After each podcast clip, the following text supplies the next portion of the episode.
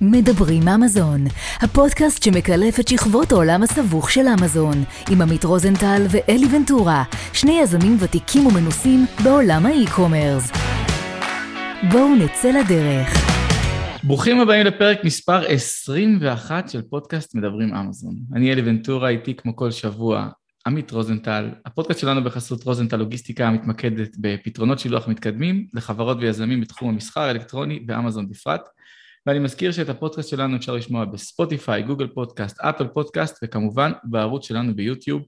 והיום יש לנו את הזכות לארח אה, נציג מאחד הסלרים, ה, בוא, הגדולים ביותר באמזון, Worldwide. עמית, ספר לנו במה זכינו. אה, מה קורה לפני הכל? אה, מקווה ששומך טוב, למרות שדיברנו קודם. אה, זכינו היום בבחור באמת אחד מיוחד, תומר פסקל, שהינו CRO, CRO שזה Chief Revenue Officer בחברת אטריאן, אה, שחברת אטריאן הינה גם אמזון סלר וחברה טכנולוגית במהותה, אה, הרבה מאוד דברים פה לשמוע, באמת, אני חושב אחד הפרקים הכי חשובים, לא הכי חשוב שלנו עד היום. תומר, Welcome to the club, מה המצב? תודה, תודה, ברוכים הנמצאים, שמח להיות פה ולעזור במה שאני יכול, לספר את הסיפור. טוב, לפני שאנחנו מתחילים, בואו נמשוך את תשומת הלב של המאזינים. אתה יודע, אומרים שבשתיים, שלוש דקות הראשונות של כל פרק צריך למשוך את תשומת הלב שיגרום להם אה, להמשיך להקשיב. אז אה, זה חברה ציבורית, כך שהדברים אה, די חשופים. בוא תספר לנו מה מחזור המכירות האחרון, החודשי או הרבעוני או השנתי של הטריאן שכבר דווח. אה, כן, הטרן היא חברה, כמו שציינתם, חברה ציבורית, נסחרת בנסדק, אה, תחת הטיקר של אתר. לפני זה השם שלנו היה מוהק. אה, החברה, סיימנו את 2020 ב-200 מיליון דולר מכירות, והצפי ל-2021, הצפי המדווח היה בסדר גודל של 250 אה, אה, מיליון top line. אה, החברה היא חברה ציבורית, מן הסתם יש לנו עוד כל מיני הוצאות בניגוד לאמזון seller רגיל על, על, על מה אנחנו עושים, אז כשאנחנו מדברים על רווחיות, שהרווחיות היא שונה בהיבט הזה, פרופיל הרווחיות שלנו, המוצרים עצמם נמכרים כולם בשולי רווח כמו שאתם רגילים להכיר מעולם. האמזון, דברים שנעים בין 10 ל-20 אחוז, מדהים. רוב המכירות שלנו מגיעות מאמזון על פני 14 מותגים, אלפי, אלפי מוצרים שונים, החברה, יש לנו מוצרים בכל התחומים שאתם יכולים לדמיין עליהם, החברה היא, רוב המוצרים שלה היו מוצרים אורגניים, זאת אומרת מוצרים שאנחנו השתמשנו במתודולוגיות שלנו, שהולכת לזהות אותם, שזאת הזדמנות, ללכת לעשות sourcing למוצר, לשים אותו תחת ה brand הנכון ולהשיק אותו באמזון, אמ, אבל בשנה וחצי האחרונות אנחנו גם כן שחקן פעיל בתחום רכישת אה, אה, עסקי אמזון, אז רכשנו אמ, חמישה מותגים, חמש חברות אה, ויותר מחמישה מותגים, אמ, ביניהם ברכישות האחרונות שלנו המותג סקווטי פוטי, אם אתם מכירים, זה בערך המותג שמתחיל כל הרצאת שיווק שלי, שאני כן, עושה. כן, חשנו גם אותם, אמ, ועד הילינג אה, סולושן, שזה המוכר בין הכי גדולים שיש של שמנים ארומטיים באמזון, אבל יש לנו הכל, יש לנו מזגנים, אה, מקררים, תנורים, מוצרי מטבח, באמת, הכל, מייבשי שיער, אמ, הכל מהכל, אה, כל אחד תחת המותג הנכון לו, אמ, זה, זה אנחנו, אני עצמי בעסק כבר כמעט חמש שנים, ולפני בוא, זה... בוא באמת, בוא נתחיל שם, בוא נתחיל שם, בוא נלך אחורה רגע. אני רוצה לשאול שאלה קטנה אלי, אה, כן. תומר, אתם מתעסקים גם במכירות שאינן באמזון, או שאמזון זה הפלטפורמה היחידה? אנחנו מתעסקים גם במכירות שאינן אמזון, אמ, כחברה אנחנו אגנוסטים, זאת אומרת כל ה setup שלנו, כל התוכנית היא להיות אגנוסטים ולמכור בכל marketplace אפשרי, ולא marketplace. אמזון being אמזון היא פשוט כאילו שואבת את, את הכל, אבל אנחנו מוכרים בוולמארט, באי-ביי, באתרים שלנו, בסדרי גודל גדולים, זאת אומרת זה מיליוני דולרים, אבל פשוט זה, זה אפילו עשרות כן, מיליוני דולרים, אבל לעומת אמזון זה עדיין לא החלק העיקרי. מדהים. אז בוא נלך אחורה באמת אה, חמש שנים, ככה לכמה חודשים, חצי שנה לפני שאתה מתחיל את המסע שלך באמזון, בוא תספר לנו מה אתה עושה, מאיזה תחום אתה מגיע, ו- ואיך אתה בכלל מגיע להזדמנות הזאת של אמזון. כן, הסיפור שלי הוא סיפור אה, קצת, אה, אני מניח שהוא דומה להרבה מהקהל, אבל שונה במקצת. אני, אני התחלתי בתור יזם באינטרנט לפני... נראה לי שה... ש title של הפרק זה, זה דומה למה שאתם מכירים, אבל שונה. אבל כאילו, שונה. כמו, כמו שאמרתם מקודם, אנחנו עושים מחקר שוק, אנחנו עושים sourcing, אנחנו עושים השקה, דומה, אבל שונה לגמרי. כן, זה דומה. אני מניח שהשוני הוא, הוא בסקייל, כן? אבל נגיע לזה. אבל, ה... אבל uh, התחלתי בתור uh, יזם, כש... יזם אינטרנט, כשזה, uh, כשזה היה פחות מקובל וסקסי במשפחות שלנו. אה, אנחנו מדברים על 2004, 2005, אה, השתחררתי מה, מהצבא אחרי הרבה שנים, אה, הבנתי שלימודים וכל הדבר הזה הוא לא בשבילי, אני וחבר החלטנו יאללה, לוקחים קצת זמן, הולכים להקים סטארט-אפ בתחום הפנטזי גיימס, המשחק, על כסף אמיתי, עם הרבה מחשבה מאחוריו, היה מאוד קשה לגייס איזה כסף בזמנו, אבל גייסנו, הצלחנו לגייס כסף משתי קרנות הון סיכון, יצאנו לדרך. אה, שבן כמה אתה? מה? כשאני הייתי בן 25, גייסנו כסף, גייסנו מעל מיליון דולר, אה, ועשיתי, ואני והשותף שלי, חברי הטוב, עשינו כנראה כל טעות שיש בספר, וגם כאלה שעוד לא היו כתובות, אז אה, כן, זה היה כישלון קולסלי על פני שלוש שנים, שלוש וחצי שנים, אה, ברמה העסקית, אבל זה היה הבית ספר הכי טוב שהיה לי בחיים אה, ever. פשוט כמו כל יזמות בהיבט הזה שאתם מכירים, שכל האנשים מכירים, אתה, עד שאתה לא עושה בידיים, בעצמך, אתה, אי אפשר ללמד אותך את זה. אה, את הדבר הזה, זה שכולם מבינים גדולים, אבל ברגע האמת שצריך לעשות את הדברים, אף אחד לא, זה אתה, זה אתה, הצוות שלך, האנשים שלך, זה עליך כאילו לעשות את העסק, מאוד מאוד דומה לדברים שמאזיניכם מכירים היום על, ה, על, על עסקי האמזון שלהם. ו... וחוויתי שם את כל הטעויות האפשריות, משם זה היה מכה גדולה, אמ, הלכתי והקמתי עסק אינטרנטי לא עם השקעה בתחום ה toolbar ים, אה, ומשם בעצם זה הספיק לי כדי לקיים אותי, זה משהו, מזכיר חלק מהקהל שלכם גם כן, lifestyle business, זאת אומרת, משהו שמחזיק אותך, אבל אז זה לא היה מספיק לי, הרצון בער בי, לעשות משהו יותר. בדרך כלל דרך הגעתי לחברה בשם אינקרדימל אה, בזמנו, הייתה מחלוצות האינטרנט הישראליות, אה, והייתה בתחום קטן ובוער בשם אינטרנט טולברס בזמנו, אנחנו מדברים על 2009, ונכנסתי לשם ונתקעתי שם שש שנים, החברה הזאת הפכה להיות פיריון, גם הייתה חברה ציבורית בנאסדק, וגדלתי עם החברה, הייתי... והייתי מנהל חטיבה שם הרבה שנים, זה היה גם חוויה עצומה אה, להיות במרכז של הדבר הזה, אה, רכישות, כל מיני דברים. באיזשהו שלב, השנים הראשונות היו טובות כי נתנו לי להיות יזם בתוך חברה, אבל מהר מאוד, אה, זאת אומרת, אחרי כמה שנים התחיל לבעור בי עוד פעם הרצון. עזבתי את החברה הזאת, הקמתי חברת סטארט-אפ נוספת עם כמה שותפים, חברה בתחום הארביטראז', אה, זה ארביטראז' דיגיטלי של אה, תוכן לפרסומות, משהו מטורלל, עשה כסף טוב. תוך כדי כל ה loop הזה יצא לי להכיר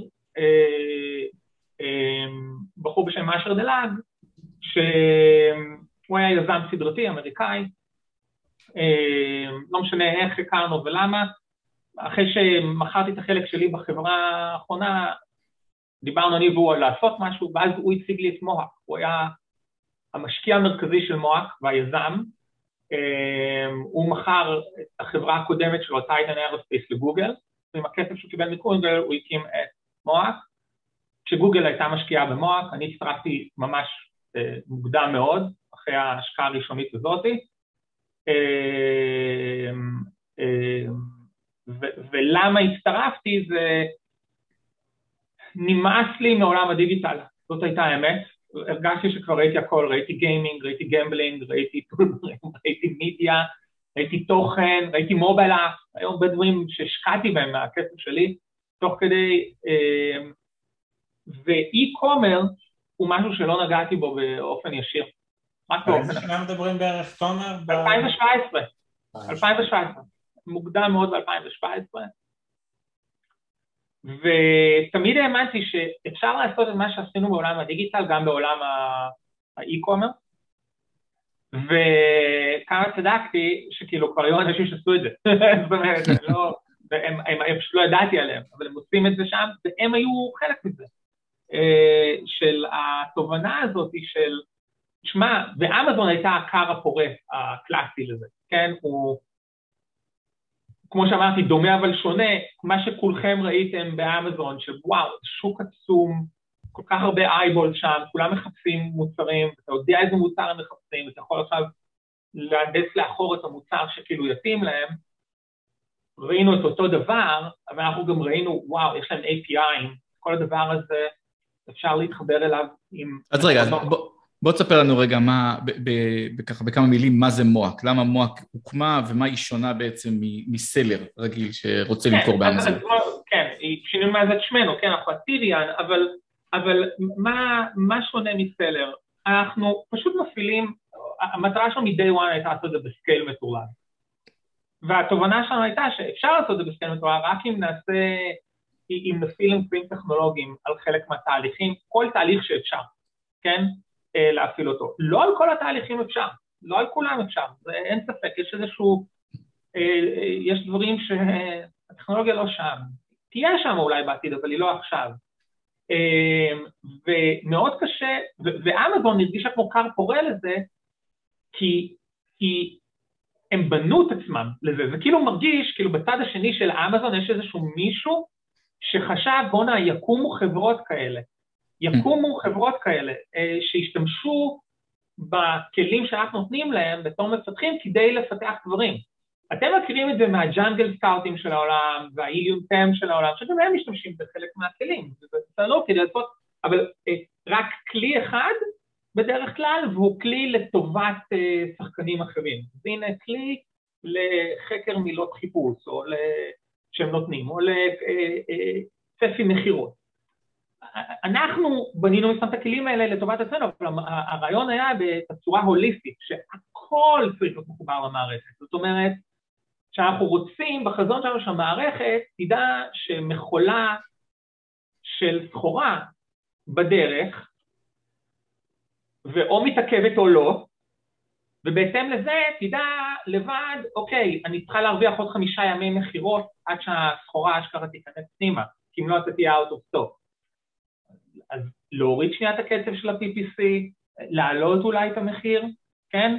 אה, בחזון שלנו זה ההוליסטיקה שאנחנו רוצים, זה שמידעית גם תוכל לראות את הכל במקום אחד, שאני לא אצטרך לעבוד מול עשרות מערכות כדי להבין, אה, ah, כן, אה, זה כמות החיפושים וה-reviews שאני אוכל להצטרך לעשות, אבל כמה מלאי יש לי, וכמה הוא עלה לי, וכמה הוא יעלה לי, ואיפה הוא הולך להיות מופץ, וכן הלאה וכן הלאה.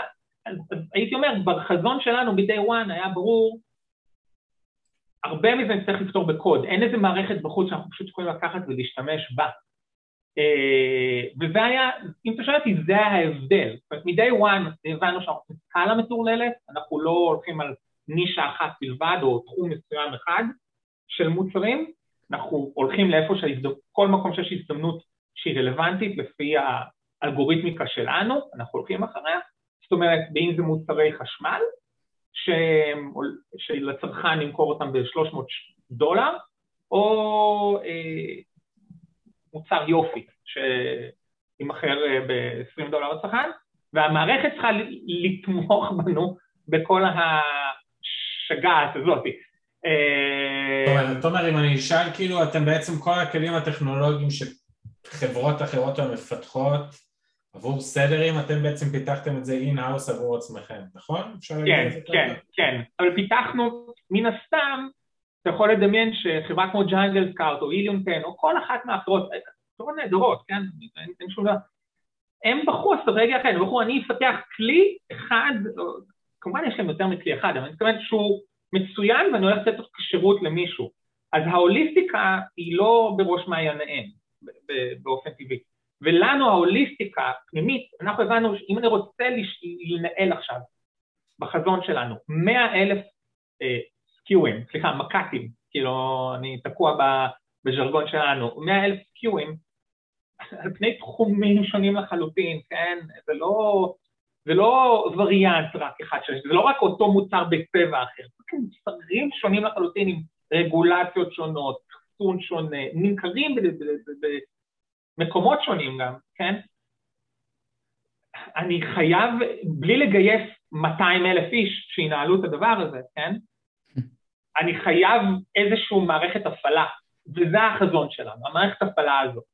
והיא אימי, ככה קוראים לה פנימית למערכת שלנו, אה, והיא מורכבת, מורכבת מאוד, אה, כי, כי כל דבר אנחנו מנסים אה, לחפור בו בצורה הטכנולוגית. אז בואו בוא נסביר רגע למה... זה אותנו, אם אני צריך כאילו להגיד. כל, הרבה מאוד משאר הדברים זה עדיין אותה לוגיקה, כן? מה שהופך מוצר טוב ל private label seller, גם הופך אותו טוב לנו, אין, אין קסם. כן?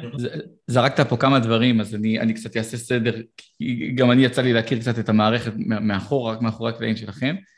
AIMEE זו למעשה מערכת בינה מלאכותית שיודעת לתכלל 200 איש ביחד ולעשות את הדברים בצורה טיפה יותר יעילה, כי היא מתקשרת את כל מה שאיליום עושה וג'אנגל סקאוט, גם מחקרי שוק וגם PPC וגם ניהול וגם סרצ' ווליום וכל הדברים האלה, רק היא מקשרת אותנו למוצר ספציפית ל-SKU, כלומר זה מתחיל ממלאי וניהול מלאי ואז יודעים להוריד PPC או להעלות PPC כמו שאמרת עומר, להעלות מחיר, להוריד מחיר כדי לנהל את המלאי בצורה נכונה, הכל מתבצע באמת בצורה כמעט 99% אוטונומית לגמרי, כדי שהמערכת הזאת תמשיך להתנהל אה, כמו שהיא אמורה להתנהל, נכון? סיכמתי את זה בצורה מגניבה?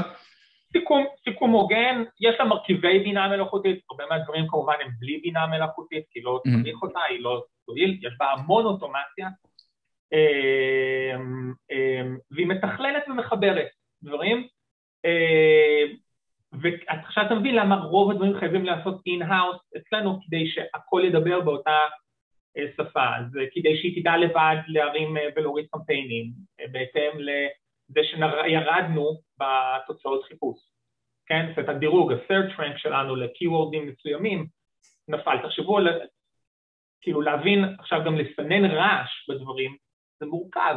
זה משהו שמאוד קל לכם ולי כאינדיבידואלים לעשות, ולכל אחד מקהל המאזינים, ולהבין, אה, ah, כן, הנפילה פה בקיוורד הזה היא לא באמת נפילה, זה היה איזו סיבה אנא ערף, אה, רגעית, והמילה הזאת היא לא כזאת חשובה לי, לתת אותה כחוקיות למערכת זה מורכב, ובטח ובטח כשיש לך עשרות אלפי מוצרים, ואז בהתאם לזה המון המון מילים שאתה בודק כל הזמן. אף בן אדם לא יוכל לעשות את זה, אין לנו זמן ביום, כן? זאת אומרת, אה, אנחנו חבר'ה טובים, כשתן לי עכשיו אה, בשעה לעבור על עשרה, עשרים מוצרים, יאללה, אני אתקתק את זה, מה כשיש לך אלפים? אה, אז זה המקום, עוד פעם, זה ההבדל כאילו בינינו לבין האחרים, האספירציה שלנו היא שונה, אנחנו באנו עם איזשהו שיגעון ואנחנו הולכים אחריו כמו, אה, כמו משוגעים, אבל private label seller רגיל, הוא יוכל להרשות לעצמו, כן, לרכז את המאמץ האישי שלו בפחות מוצרים ולתת להם את ה attention. אבל הלוגיקה תהיה אותה לוגיקה, כן, בסופו של דבר. כן. אז אני חוזר רגע ל-2017, כן, סליחה, עמית, דבר איתי. אתה כאילו, תומר, ברמה האישית, כאילו, ואלי יחזק אותי פה, אני מעריך, שעם הסלרים שדיברנו עד היום, אז אתה יודע, אפשר לקטלג את זה, היו סלרים שהיה להם חיבור רגשי למותג או למוצרים שהם מוכרים, היו סלרים שדיברו שהם בוחרים מוצר כזה או אחר בצורה סחטרנית, כלומר הם מסתכלים לפי כל מיני factors, בסדר, שבחירת מוצר, ששוב אני לא מבין בזה כי אני מגיע מעולם השילוח גרידה. השאלה שלי בהסתכלות שלך בתור בסוף מהנדס בצורה כזאת או אחרת, האם אתם, כשאתם בוחרים מוצר, אתם מסתכלים על זה באיזושהי צורה רגשית כזאת, או הכל מנותח mm. מאוד data based, ולשם אתם מוכוונים, זאת אומרת לא מעניין אותך המותג, לא מעניין אותך המוצר, לא מעניין אותך מה המוצר, העיקר אם הוא יכול למכור או לא למכור. אני חושב שאנחנו בתהליך אבולוציה כחברה, אה, ו... אבל השכלתנות היא המובילה. אה, אני לא רוצה להגיד לא מעניין אותי, זה, אה, זה לא יהיה, לא הוגן והגון, יש, מה ש... החלק הרגשי, אני אסתכל עליו גם בצורה שכלתנית, mm-hmm. יש תחומים שמיתוג בהם מייצר לך עוד ערך, כן, וזה שווי, זה שווה, זה, זה נכון להיכנס, אמ, אז גם על זה אני משתדל להסתכל בצורה שכלתנית, אבל אין ספק שהדבר הראשון שטריגרים אותנו הוא מספרים. וזה מספרים סיגנליים כמו כמה גדול החיפוש שהמוצר הזה נמצא בו, כמה, מה איכות התחרות בו שמתבטאת בביקורות, כן, על המוצר, וכן הלאה וכן הלאה, איכות היצרן או היצרנים שאנחנו יכולים אה, להיעזר בהם. הם, הם, טרנדים ארוכי טווח שאנחנו רואים על התחום הזה, זאת אומרת האם אנחנו משתדלים כחברה בזה להימנע, אתם זוכרים שהיה לפני שלוש שנים את הפיג'ט ספינר? כן. זה הרי התפוצץ, כן? אבל מבחינתנו זה מסוג הדברים שאנחנו מאוד מאוד נמנעים, כי אנחנו לא יודעים האם זה יישאר פה לעוד שנה, שנתיים, שלוש או ארבע, המודל שלנו בנוי על עיקרון שהדברים צריכים להישאר פה עוד חמש, שש, שבע, עשר שנים, זאת אומרת אנחנו נמנעים בגלל זה להיכנס לתחום הגאדג'טים האלקטרוניים היסטורית. כן, משהו שכל שנה יוצא לו פרוטוקול חדש, אתה צריך לתמוך בו, אנחנו מנסים, אה, משתדלים, לא, יש חברות שבוחרות דווקא את זה וזה נהדר, זה מתאים לאסטרטגיה שלהם, לנו לנו היסטורית פחות, כן, אנחנו רוצים דברים שהם סטטיים יותר, ימשיכו להרבה זמן, שהחדשנות בהם לא קורית כל חצי שנה שאתה צריך לרדוף אחריה, אלא היא קורית לפרקי זמן יותר ארוכים. אז לשאלתך, השכלתני, השכלתני מוביל יותר, הרבה יותר, ואנחנו כן מתמקדים, בעיקר ברכישות, אגב, אנחנו שלנו, הרבה גם שמים לב להיבט המיתוגי, ויש כן אלמנטים של רגש. סקווטי פוטי זה משהו שגם בשכלתנות היה לו mm. פקטורים מאוד חזקים, וגם ברגש, יש לו קהל נאמן ביותר. הוא נבנה על הרגש, דווקא בשכלתני הוא כאילו, הוא מנצח את כל ה... אני זוכר שעשיתי חיפוש, לא זוכר, רציתי לראות באחד המצגות, אז כשאתה עושה, אה, מי שלא יודע, סקווטי פוטי זה בעצם toilet, אה, איך נראה מפתח? toilet stool? ושרפרף כדי אה, שתוכל לעשות, לשבת בתצורת סקווט באסלה. בדיוק. אז כשאתה עושה חיפוש של טוילט סטול באמזון, אתה מקבל בערך לפי האיליום 15-20 אלף חיפושים חודשיים, וכשאתה עושה חיפוש של סקווטי פוטי באמזון, אתה, מחפש, אתה מקבל 50, 60, 70 אלף סרצ' ווליום.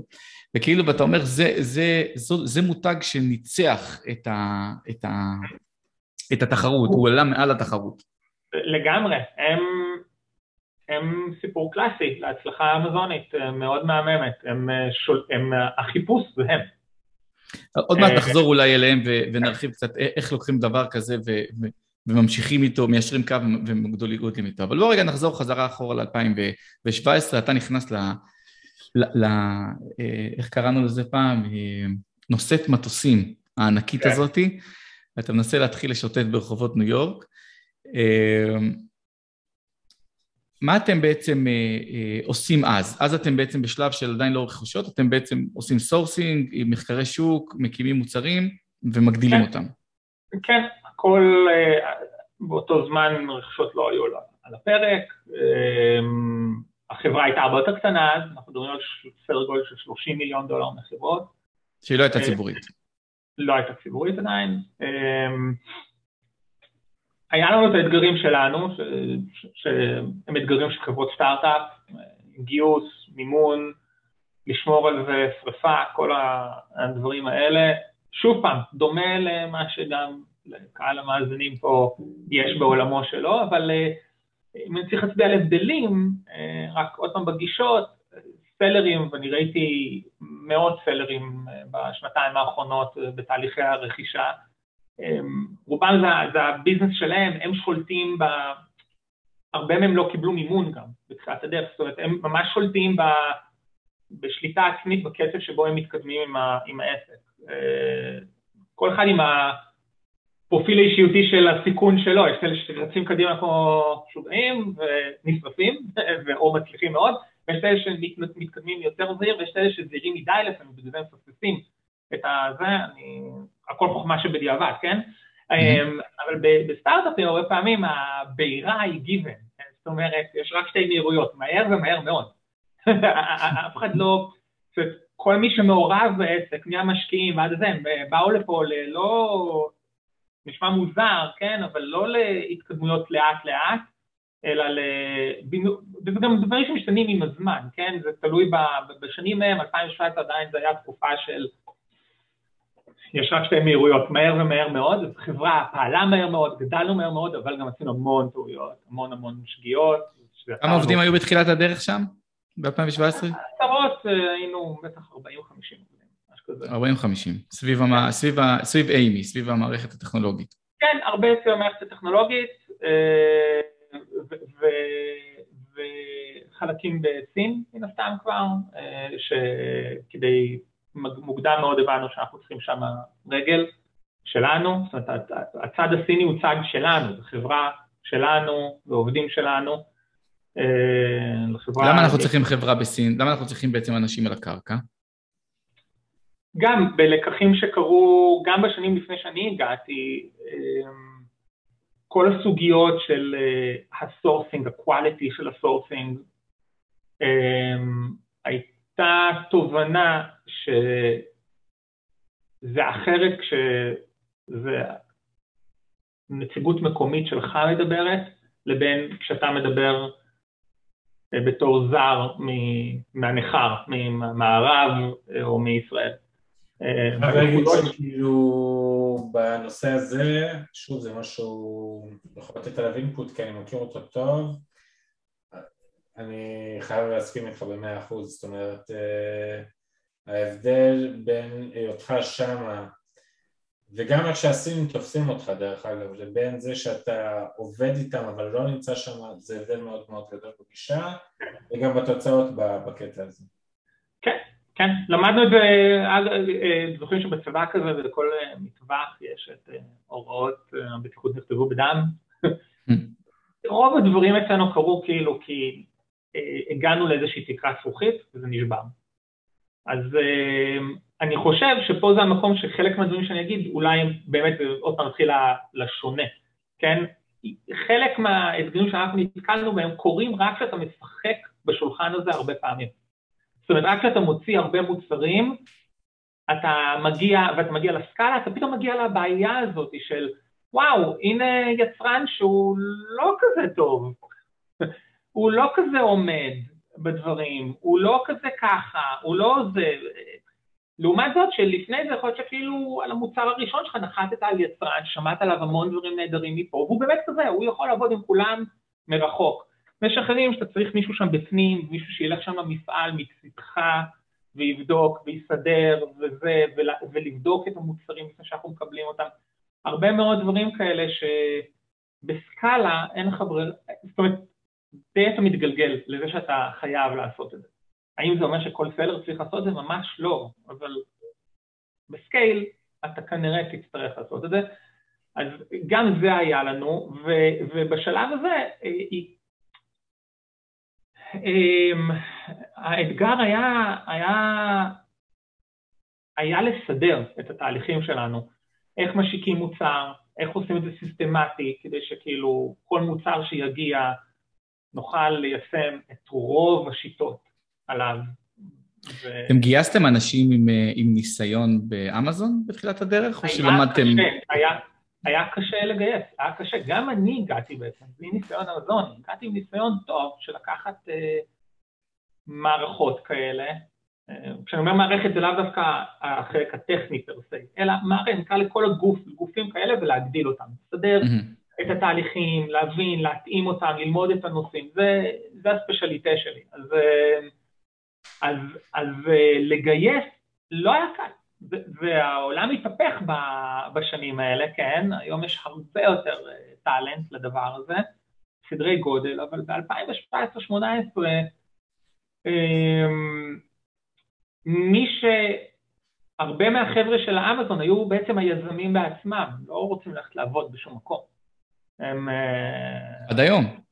כן, אבל היום, מה, נכון, מה שהשתנה הוא שיש אה, שכבה נוספת של אנשים שעבדו אצל חבר'ה אחרים, עבדו אצל agencies, אצל אה, כן. חברות שנותנות שירותים, זה, זה, זה, הדבר הזה התגלגל, זה לא אותו דבר. היום הרבה יותר קל להשיג אה, עובדים, זה לא אומר שעדיין קל, כמו תמיד לגייס עובדים, גם לכל המאזינים פה, בטוח שהם את אותו אתגר, לגייס עובדים טובים זה מהדבר מאתגר. לא משנה באיזה שלב אתה, הוא דבר מאתגר, אם אתה שואל אותי זה בעיניי הדבר הכי מאתגר. אני יכול לכתוב על זה ספר, דרך אגב, כאילו ממש כאילו בנושא הזה, זה, זה צער. זה מאתגר, וגם היה, היה לנו כחברה, ולי אישית כמנהל, אה, ups and downs בזה, אני חייב לציין שבשנה וחצי האחרונות האיכות גיוס עלתה בסדרי גודל, איכות האנשים, החשיבה שלהם, הניסיון, היצירתיות, לאין שור, הרטנשן אצלנו מאוד מאוד השתפר בעקבות זה, כאילו, הזמן שאנשים נשארים, המרוצות שלנו ההדדית אחד מהשני, אמ, אבל, אבל זה, 2017 ו-2018, הייתי אומר, זה השנים של אה, סטנדרטיזציה. לנסות לייצר סטנדרטיזציה, וזה לקח את הזמן שלו, אמ, וגדלנו, גדלנו, גדלנו המון בשנים האלה. אמ, באיזה אה, שלב אתם הופכים להיות ציבורים? ולמה? ההנפקה שלנו הייתה בנסדק באמצע 2019, אה, זאת אומרת לפני קצת יותר משנתיים, שנתיים ומשהו. אני לא אכנס, לא, כאילו, זה לא המקום להגיד את כל האינטרנט, אבל זה בסוף זה ענייני מימון אה, כחברה, והחברה מגיעה באיזה שלב לאיזשהו צומת החלטה של האם להמשיך את המימון שלי באופן הפרטי או ללכת לציבורי. התקבלה החלטה שהתקבלה שעדיף ללכת לציבורי, וככה הגענו לשוק הציבורי. ובעצם ב-2019 אנחנו יצאנו לשוק הציבורי, אה, שמביא איתו אתגרים משל עצמו. שאגב, אין הרבה אה, חברות כמוכם, חברות אמזוניות, שהן ציבוריות בסקייל הזה, נכון? אה, יש עוד אחת שהיא לא בסקייל הזה. אנחנו חברה...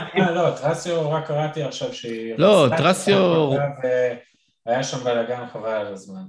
כן, אני מנוע להגיב על כל אחד מהשחקנים, אבל פרטי. כן. יש פער עצום בין העולם הפרטי לעולם הציבורי. בטח. עצום עצום. אמ, לא רק שאנחנו הציבוריים היחידים, אלא גם בזמנו, אפרופו אם כאילו לחדד את אחד האתגרים, אמ, לא היו חברות סטארט-אפ. בתחום, זאת אומרת, דברים שהם כל כך בנאליים היו לי מכל, ולנו כישראלים, מי שבא מתחום ההייטק, שכל תחום שאתה זורק עליו אבן, אתה פוגע בעשר חברות סטארט-אפ. הגדרה שלי חברת סטארט-אפ תהיה חברה שיש לה גיוס הון מקרנות הון סיכון, או מאנג'לים שהם מובילים לקרנות הון סיכון בהמשך, ויזמים מהתחום, בתחום האמזוני לא היה כלום מהדבר הזה. וכל הקהל שלו הוא שונה לחלוטין, מוח בזמנו, הטיריאן היום, הייתה מאוד מאוד מאוד מאוד חריגה בנוף, מאוד מאוד מאוד מאוד חריגה בנוף, גיוס מגוגל, על, הייתה המשקיעה העיקרית בשלבים המוקדמים, היה אולטרה חריג, וזה היה מאתגר בפני, בפני עצמו, כי הקהל, להביא מפתחים לעולם הזה, להביא עובדים לעולם הזה, ולקח זמן אה, להתאים את זה. היום, היום זה אחרת כבר, כן? גם בזכות כניסה של כסף נוסף וזה, אבל לשאלתך, לא, עד היום אין אף חברה ציבורית אחרת. אה, מדהים. והדיבורים של חלק מהשחקנים האחרים בינתיים, רואה שהם ירדו מהפרק. כן. ואני מבין גם את אה, חלק מהסיבות. תגיד, אה, כמה עובדים יש היום לאתריאן? פלוס אה, מינוס. אני חושב. אני חושב שהמספר המדווח שלנו הוא מעל 200. מעל 200 שהם פזורים ברחבי העולם. אני, כן, אני... אנחנו פזורים בארצות הברית, יש לנו, המטה שלנו בניו יורק, יש לנו שם גוש יחסית גדול, אה, אבל יש לנו עוד כמה, אנחנו פזורים בארצות הברית, עוד הרבה עובדים, קצת בקנדה, הרבה בפולין, הרבה מהפיתוח בפולין, יש לנו גם בישראל, יש לנו קטנה בישראל. יש לכם סניף פה? מה? יש לכם סניף פה כאילו של עובדים? כן, יכול לקרוא לזה סניף, יש לנו כמה עובדים ישראלים,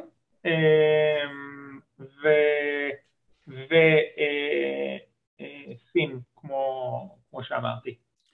אני אשמח ש, שתספר לנו קצת על, ה, על המבנה הארגוני, כי אתה יודע, אני, אני יזם אמזוני, אתה יודע, ואני מכיר, וגם רוב המאזינים שלנו זה יזמים אמזונים, כאלה שעושים מה שנקרא one man show, או מקסימום עם איזה שניים שלוש VA פיליפינים שעוזרים לנהל את הפעילות. אה, ואני תמיד אומר שיזם אמזוני ב-2021, 2020 צריך שיהיה לו כמה כובעים, אם זה סמנכ"ל לוגיסטיקה, סמנכ"ל marketing, סמנכ"ל כספים אה, וסמנכ"ל סחר, רכש, אבל כשאנחנו מדברים ב scaling שלכם, הייתי שמח להבין איך, איך ההיררכיה עובדת, איך הניהול השוטף, איזה תפקידים יש, כדי שאולי, אולי, אולי, גם אני וגם uh, המאזינים הקטנים יוכלו ליישם חלק מהדברים, או אפילו ברמת המחשבה. שאלה מעולה. אמ, אז אנחנו אנחנו מחולקים בדברים המסורתיים כמו שהייתם מצפים, יש מנכ"ל שהוא אחראי על ה-level האסטרטגי של החברה, להתנהל על גיוס הון כשצריך, שוק ההון במקרה שלנו גם, ודברים אסטרטגיים, מתווה את החזון, יש לנו סמנכ"ל כספים, אחראי על לנהל את כל, ה... את כל הכסף פה ואת הגיוס, אה, הלוואות לחברה, לדאוג, לדאוג שלחברה יהיה קאש כדי לפעול. אני שואל אם אה, לסמנכ"ל כספים יש שיער לבן או שאין לו שיער בכלל? אין לו שיער בכלל במקרה שלו. אמ, אמ, ואז אנחנו מחולקים, אה, מן הסתם יש סמנכ"ל טכנולוגיות, אה, אחראי על הגוף הטכנולוגי, וכל העניינים שקשורים למידע וכן הלאה וכן הלאה. אמ, יש לנו סמנכ"לית מוצרים ולוגיסטיקה, אמ, הסיבה שהכל קשור בהכל אה, אצלנו שם, היא אלה יש צוות שאחראי על מה שאנחנו קוראים לו ideation של המוצרים. מה זה ideation? Ideation, אמ, רעיוניות בעברית בטח נקרא לזה ככה, זאת אומרת, כאילו הצוות שלה משתמש במערכות שלנו כדי לבוא עם רעיונות למוצרים חדשים, להזדמנויות חדשות שאנחנו צריכים ללכת אחריהן.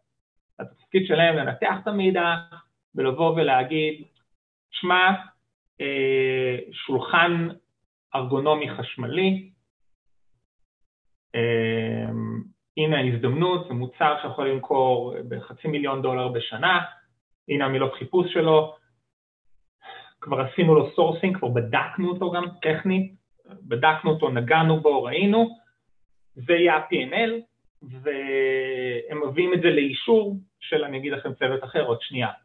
כמה אנשים יש בצוות הזה? אמ, פלוס מינוס, סתם מהסקרנות. כן, אחדות. אוקיי. אחדות של אנשים. זה נראה לי מגיע ממקור של idea, זאת אומרת, של כן. רעיון. כאילו. כן, בדיוק.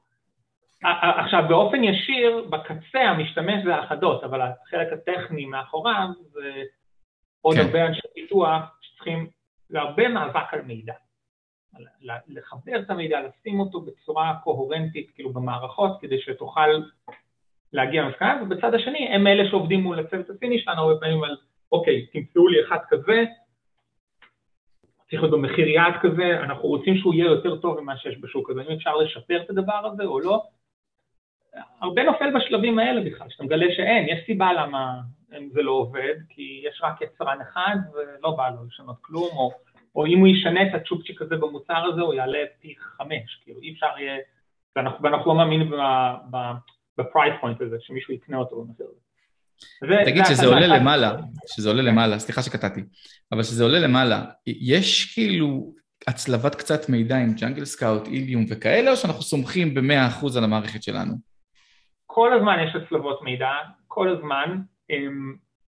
אה, לצורכי QA, כל הזמן אנחנו בודקים הכל מול הכל בחוץ, כל הזמן האמונה היא שום שלב שאנחנו אה, נגע בנו האל ואנחנו יודעים הכל יותר טוב מכולם, ממש לא, זה קוד. שים לב, המידע של, רק כדי לציין פה רגע את ההבדל בהוליסטיות, הוויכוח על האם אני עכשיו מסתכל על איזשהו מוצר ואני מעריך מוצר שקיים בשוק ואני, מסתכל, ואני, ואני חושב שהוא מוכר במאה יחידות ליום, לעומת היליום שחושבת שהוא מוכר ב-150 יחידות ביום, לעומתנו שאנחנו חושבים שזה משהו אחר. זה, זה צ'ופצ'יק בתוך כל התהליך. Mm. להבין בכלל, כן, במסה, שהנה מילה, יש מילה שמטפסת, וכמות המכירות שם מתחילות לטפס, כאילו, בכל הז'אנר הזה, ושיש בעיה אולי בביקורות וכן הלאה, זה, זה יותר הוליסטי מזה, ואז כמובן שהכל יהיה מהר, שאני אוכל מזה להבין, אה, אוקיי, איך זה משפיע לי על ה-P&L. זאת אומרת, אם אני ארצה למכור את זה, כמה זה משפיע, הכל צריך להיות מחובר לכל המערכות שלנו. הרבה מהעבודה, הרבה פעמים טכנית היא זאתי, או, או, או להבין שנייה את היחס, יחסי גומלין בשוק בין שחקנים, כן? אה, כשאחד יורד ב-BSR, לאן זה הלך? האם זה הלך? האם השוק התכווץ? כן? Mm-hmm. או, פשוט, או השוק, האם השוק גדל והשחקנים בתוכו מחולקים אחרת? אז עוד פעם, יש שחקנים בחוץ שייתנו לך את הכלים האלה, אבל הכל אצלנו הוליסטית פנימה, אז יש בדיקות QA כל הזמן לבדוק את עצמנו. אמ, מעולה, אז הצוות הזה לקח, מצא כמה מוצרים, העלה למעלה. ורגע, אני אגע בצד הלוגיסטי, כי אני חושב שזה אחד התובנות הכי גדולות שבתור מי שלא הגיע מהעולם הזה, כן? באמת, אני חושב שכמו שבצבא היה את המשפט הקלאסי הזה, לוגיסטיקה היא מלכת הקרב, באיזשהו מובן, באיזשהו שלב, הכל נעל סביב הדבר הזה. בביזנסס שלנו, שאתה בסוף מוכר מוצר בקצה למישהו, אה, לוגיסטיקה היא חבל, זה בעולם האמזוני במיוחד, ואנחנו לקחנו את זה אצלנו כנקודת חוזק. אמ, הרבה מהמוצרים שלנו הם נכנס שנייה, אמזונית, כן, מה שהיא קראה oversize, וכבר לפני כמה שנים זיהינו את זה כאחד הנקודות שבהם אמזון FBA לאו דווקא נותן את השירות הכי טוב אה, לסלר, נקרא לזה בהיבט הזה. אה, אנחנו חלק מתוכנית ה-Seller Fulfilled Prime של אמזון. זאת אומרת, אמזון מאפשרת לנו לעשות fulfillment בעצמנו עם ה Prime tag, חשוב לציין את הסוגיה הזאת, היא מעמידה אותנו בסטנדרט מאוד מאוד גבוה, יותר גבוה משל FBA. שזה למעשה דורש מכם להחזיק אה, מחסנים, נכון, בכמה מקומות בארצות הברית. זה דורש ממך, אם אתה רוצה לעשות את זה בצורה אקונומית, כאילו, שעושה שכל כלכלית, אתה, היא דורש, אמזון דורשת מאיתנו שאתה יודע, 99% מה, מה, מהשילוחים שלנו יעמדו ב-one day or two day prime. אה, פשוט מאוד. כן, ואם אתה רוצה לעשות את זה כשיש לך רק מחסן בחוף המזרחי, רק מחסן אחד בחוף המזרחי של ארצות הברית, אבל הזמנה מגיעה מהחוף המערבי, יש היום פתרונות בארצות הברית שישלחו לך את, את המזגן הזה משם לשם ביומיים, אבל פשוט זה יעלה מאות דולרים. כן.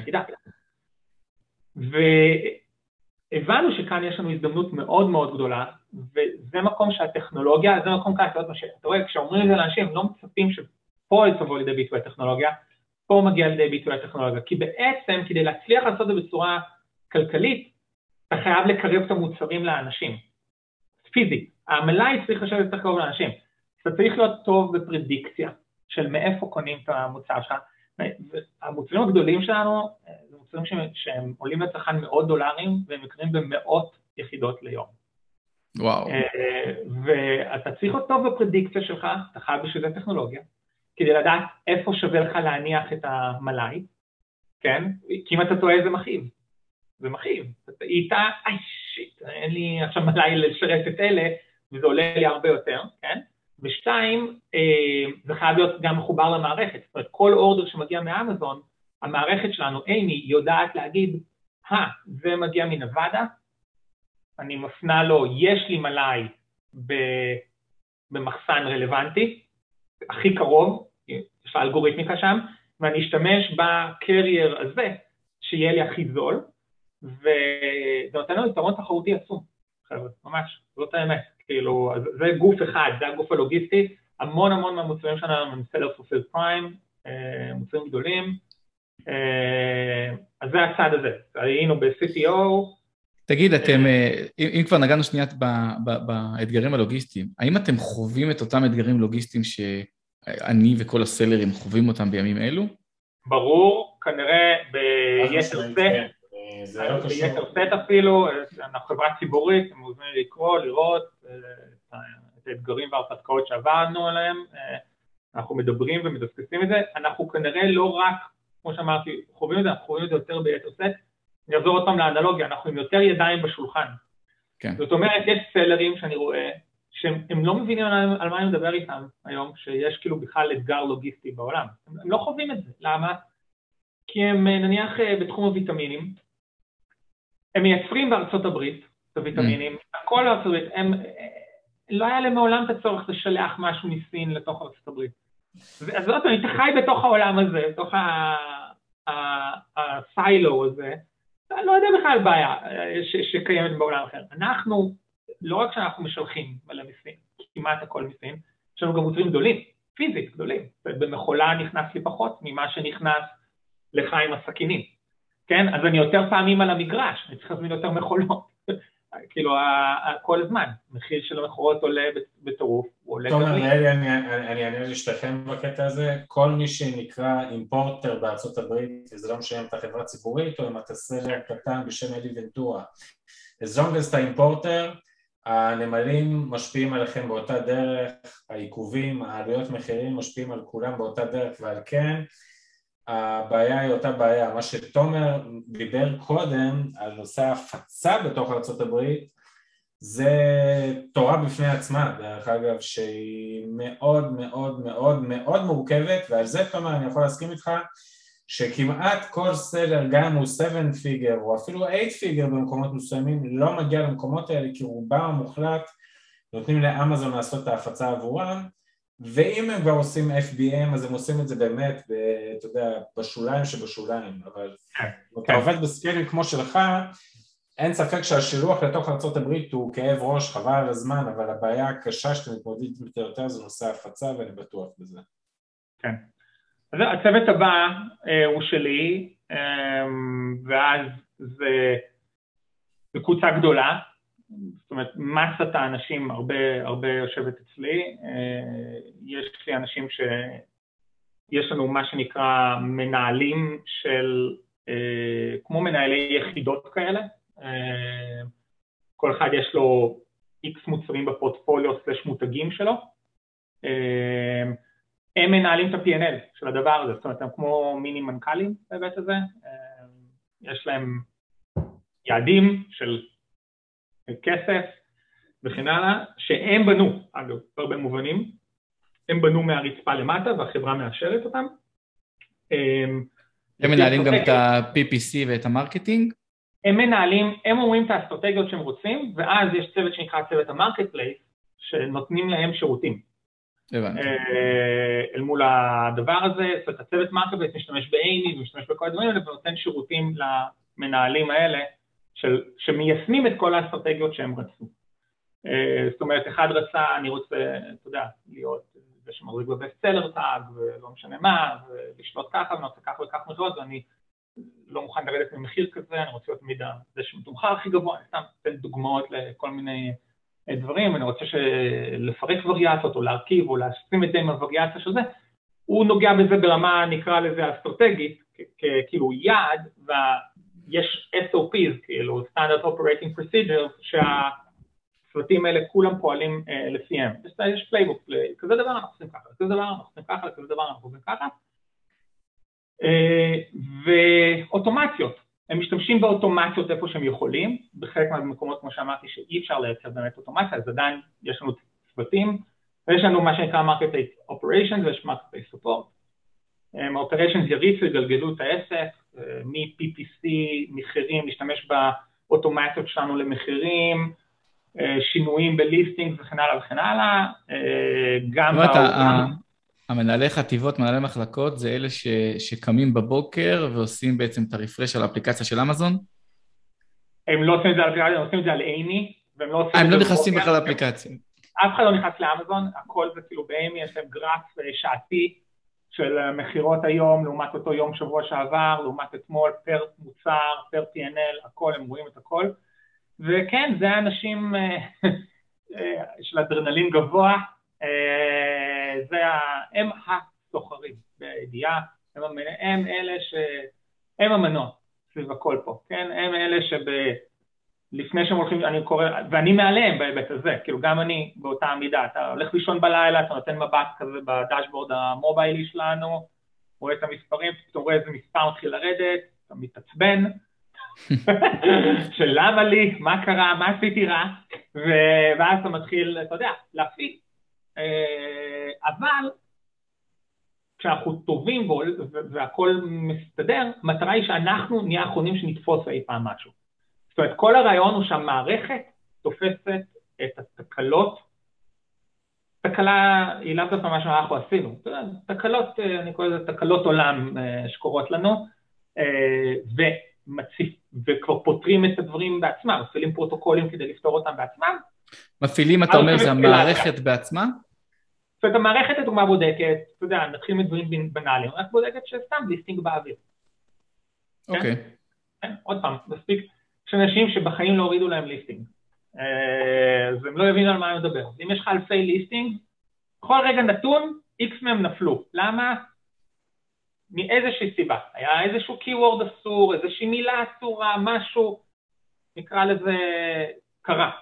עכשיו צריך צריך לדעת את זה, אז עוד פעם, אם העסק שלך יש לו חמישה, חמש ליסטינג, סליחה רק, אתה יכול לבדוק את זה בעצמך, תוך שנייה אתה רואה את זה, יש לך עשרות ומאות ואלפים, חייב משהו טכני שכאילו ידווח הביתה, כאילו, חבר'ה זה נפל.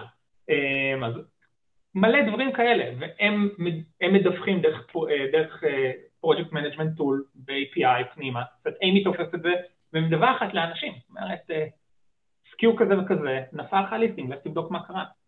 אוקיי, אה, ואירועים של אה, ירידה במכירות, זאת אומרת עכשיו במשך שבוע, כל יום אנחנו, יום מכרנו 100, אה, למחרת מכרנו 92, למחרת מכרנו 84. כן. מי, היא גם מתריעה על הדבר הזה ועושה פעולות, או שהיא רק מתריעה למנהל המחלקה? היא, תלוי, זה תלוי, הבעיות הן מאוד, מאוד, מאוד רחבות. חלק מהן היא תוכל להתריע, היא לא מתריעה למנהל המחלקה, היא מתריעה לאנשים שאמורים לעשות דברים, או היא יכולה לעשות בעצמה את הדברים. אבל חלק מהדברים אין התראה כי הירידה אצלה, זאת אומרת הכל מתחיל משאלה, נניח יש לנו מוצרים שהם עונתיים. Mm-hmm. אז הירידה שאתה תראה עכשיו במכירות היא צפויה.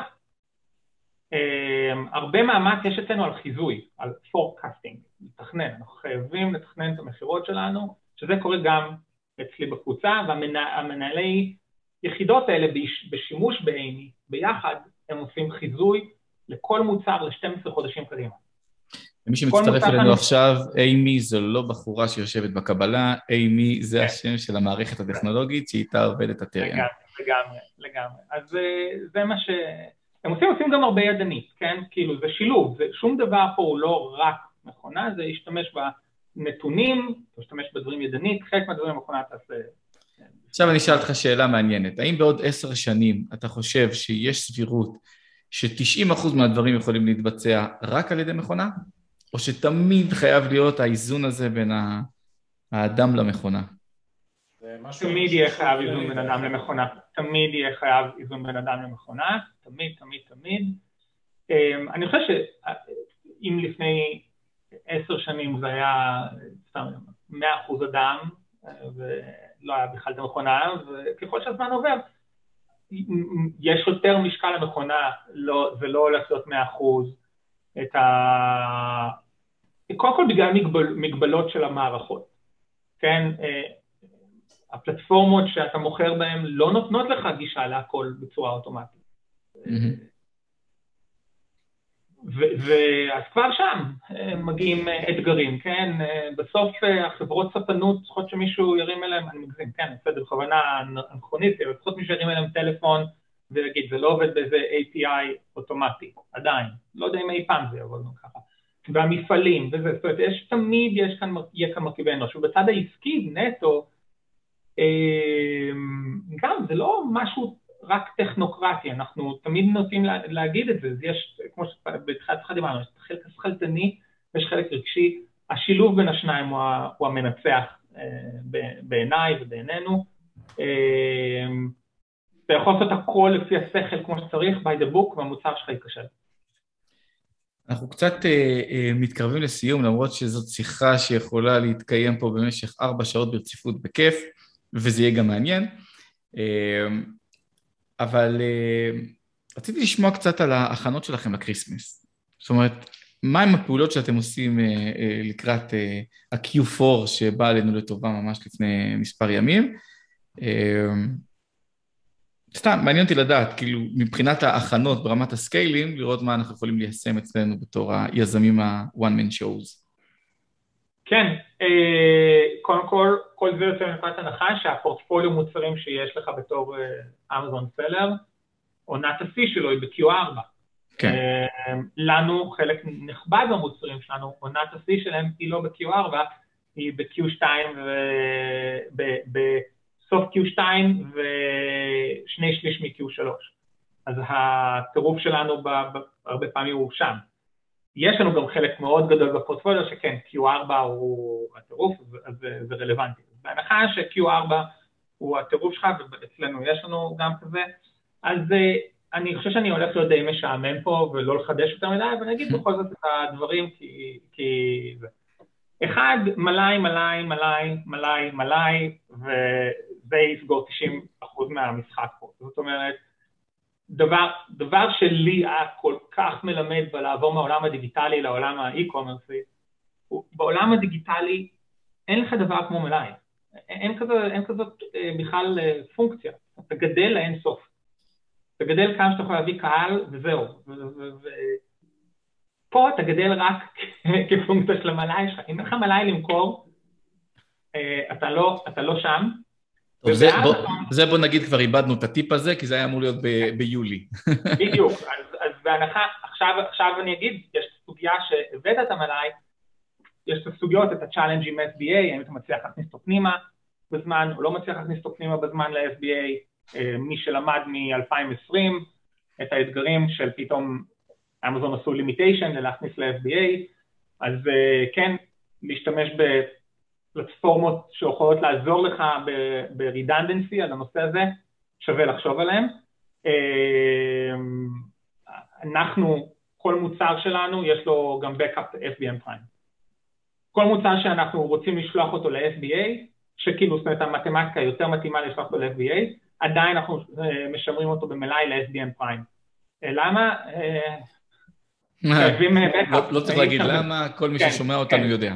אז כל מי ששומע אותנו ומבין את זה, אז אה, כן, אני... אה, זה אגב דבר שלא היה נכון בעבר, זאת אומרת, היינו מנהלים את השיחה הזאת ב-2019. נכון, זה רק שנה שעברה הגיעה. היה אמין, היה אמין כאילו, מה, אני יכול לשלוח כמה שאני רוצה, תמיד. זה השתנה, חשבנו שזה רק בגלל הקורונה, אנחנו כבר תכף שנתיים בפנים, הם לא עושים רעש של שינוי.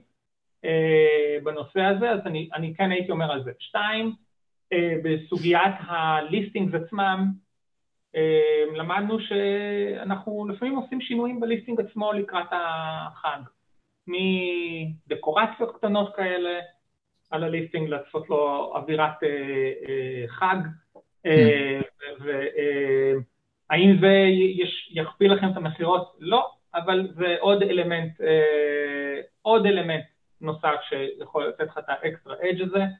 אמ, כמובן, יש לנו את ימי המכירות הגדולים מאוד של Cyber Monday, Black Friday וההולידיי עצמו. PPC, budget, להיות מוכנים כמו שצריך, כל אחד עם המגבלות שלו על הנושא. אה, מי שיותר מצומצם ומוגבל, אה, לדעת לשמור את הכסף שם בימים האלה.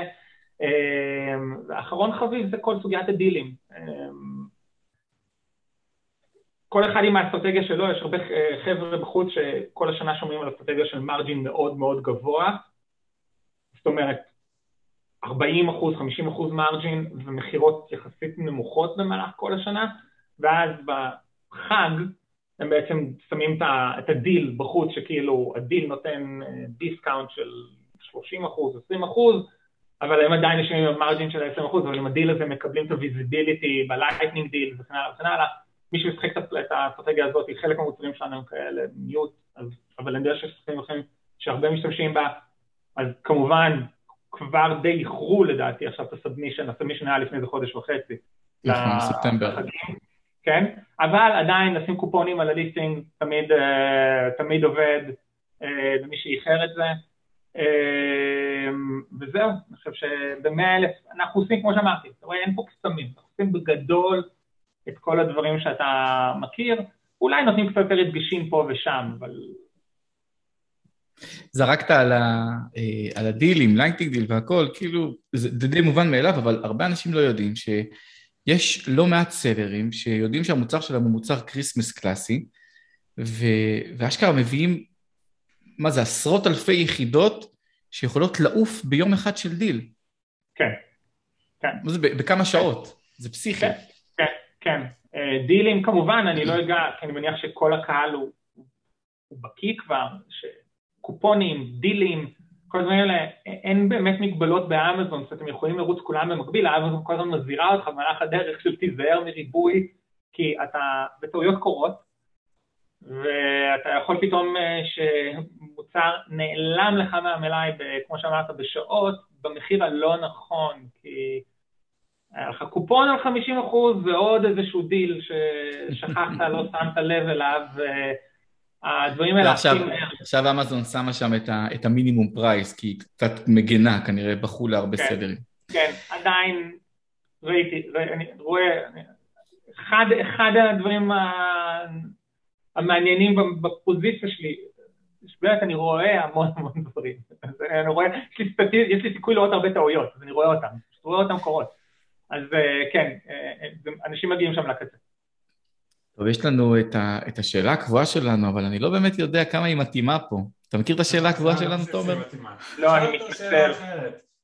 מה, מה, אני אשאל, אלי, אפשר... רגע, אז, לא, אז אני אציג לו את השאלה קודם כל. כן. השאלה הקבועה שלנו, שאנחנו שואלים כל יזם אה, בסוף הפרק, זה אם היית זוכה מחר בעשרה מיליון דולר, מה היית עושה איתם? אבל כאילו במקרה שלך זה, זה קצת שונה, אני לא יודע לאן, לאן היית לוקח את זה. אז, אז עמית יחליף שאלה. עמית, תן לנו איזו שאלה מעניינת. אני אשאל מה... אם אנחנו מדברים על עשר, בסדר, אז אני אשאל אותך מה, מה, מה עוד עשר שנים אתה צופה שיהיה לך, ואיפה אתה רואה את עצמך עוד עשר שנים מהיום? Hmm. אם אפשר לצפות דבר כזה בכלל. אה, תראה, בוא נדבר על הטיריאן אז, ולא עליי, כן? כאילו נניח שהטיריאן, איפה הטיריאן תהיה עוד עשר שנים, ואז אני יכול גם לענות עליי, אבל... אנחנו עכשיו בתקופה מאתגרת משהו אה, בגלל הלוגיסטיקה, שושלת אספקה הלוגיסטית, אבל אה, אני חושב שיראו עתיד בקרוב עתיד די טוב אצלנו, אה, אז אני לא מתייחס שנייה להווה ממש, אלא מעוד קצת זמן. אני חושב שהטירן תתרחב מאמזון ויותר, הטירן תמשיך לרכוש חברות אמזון וחברות נון אמזון, אמ, אני חושב שכן יש לזה עתיד אה, אה, לכל המערכת הזאת, הטירן תמשיך להוציא את המוצרים שלה ובעיקר אמ, אני חושב שהטירן תהיה פלטפורמה, הטכנולוגיה שלנו תלך ותתבשל שיותר ויותר, שגם נוכל באמת לאפשר לצד שלישי להשתמש בה ונראה יותר ויותר יזמים כאלה אה, משתמשים אני לא יודע אם זה על פני עשר שנים, זה כנראה יקרה בפחות, כי מי יודע איזה פלטפורמת מכירה נהיה עוד עשר שנים. כאילו אמזון עוד תהיה, אבל מי יודע איזה עוד uh, טירוף יהיה. כן, אמזון תהיה בוודאות? אני חושב שלדעתי uh, כן, אמזון... אמזון היא באמת פלטפורמה נהדרת, אין לי, אין לי מילים. היא בנויה נכון, היא מקדימה בשנות דור את כולם.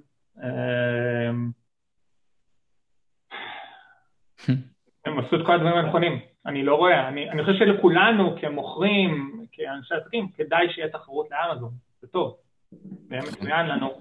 אני מקווה שוולמארט שעושה צעדים נכונים, שהיא תצליח אה, לסגור את, ה, את הפער הגדול הזה. רק שטכנולוגית היא ב-1996 עדיין. אה, כן, אני לא יכול להגיב היא מאחור, היא נכנסה מאחור, אבל היא עושה את הצעדים הנכונים כבר. יש הרבה, הרבה דברים, ואני חושב שהרבה סלרים גם עוברים למכור שם, פשוט היא עדיין לא איפה שהיה מזה. תומר, אתה רואה את עצמך נשאר בנכר במרכאות, או חוזר לארץ? לא חושב שאמרנו את זה, אבל השיחה הזאת היא טרנס-אטלנטית, ותומר יושב. כרגע באוסטין, טקסס.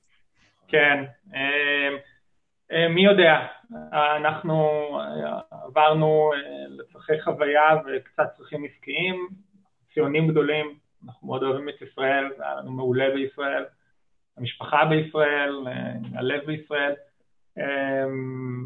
התוכנית אמ, היא לחזור, במקור היא לחזור, אבל למדתי ש... אנחנו עושים תוכניות ואלוהים צוחק, אז כאילו... כן, גם, גם לא תכננתי לנחות בניו יורק, כשנחתי בניו יורק ושתיפתח מגפה חצי שנה אחרי זה ואני אמצא את עצמי בלב המגפה, רץ בסנטרל פארק אה, כאילו אני בסרט זומבי, אה, לבד. אה, הרבה תוכניות השתנו, אבל בטוח נמשיך לעשות דברים מעניינים. תומר, תודה, תודה, תודה, תודה רבה על הזמן. תודה לכם, תודה לכם, נהניתי, מקווה שעזרתי למישהו אחד אפילו. בטוח שהרבה אנשים ימצאו, ב... ימצאו בסיפורים האלה פה ערך אדיר. ויאללה, שיהיה לכם אחלה Q4 והמון המון בהצלחה. תודה רבה. תודה, תומר, תודה רבה. ביי. יאללה, ביי.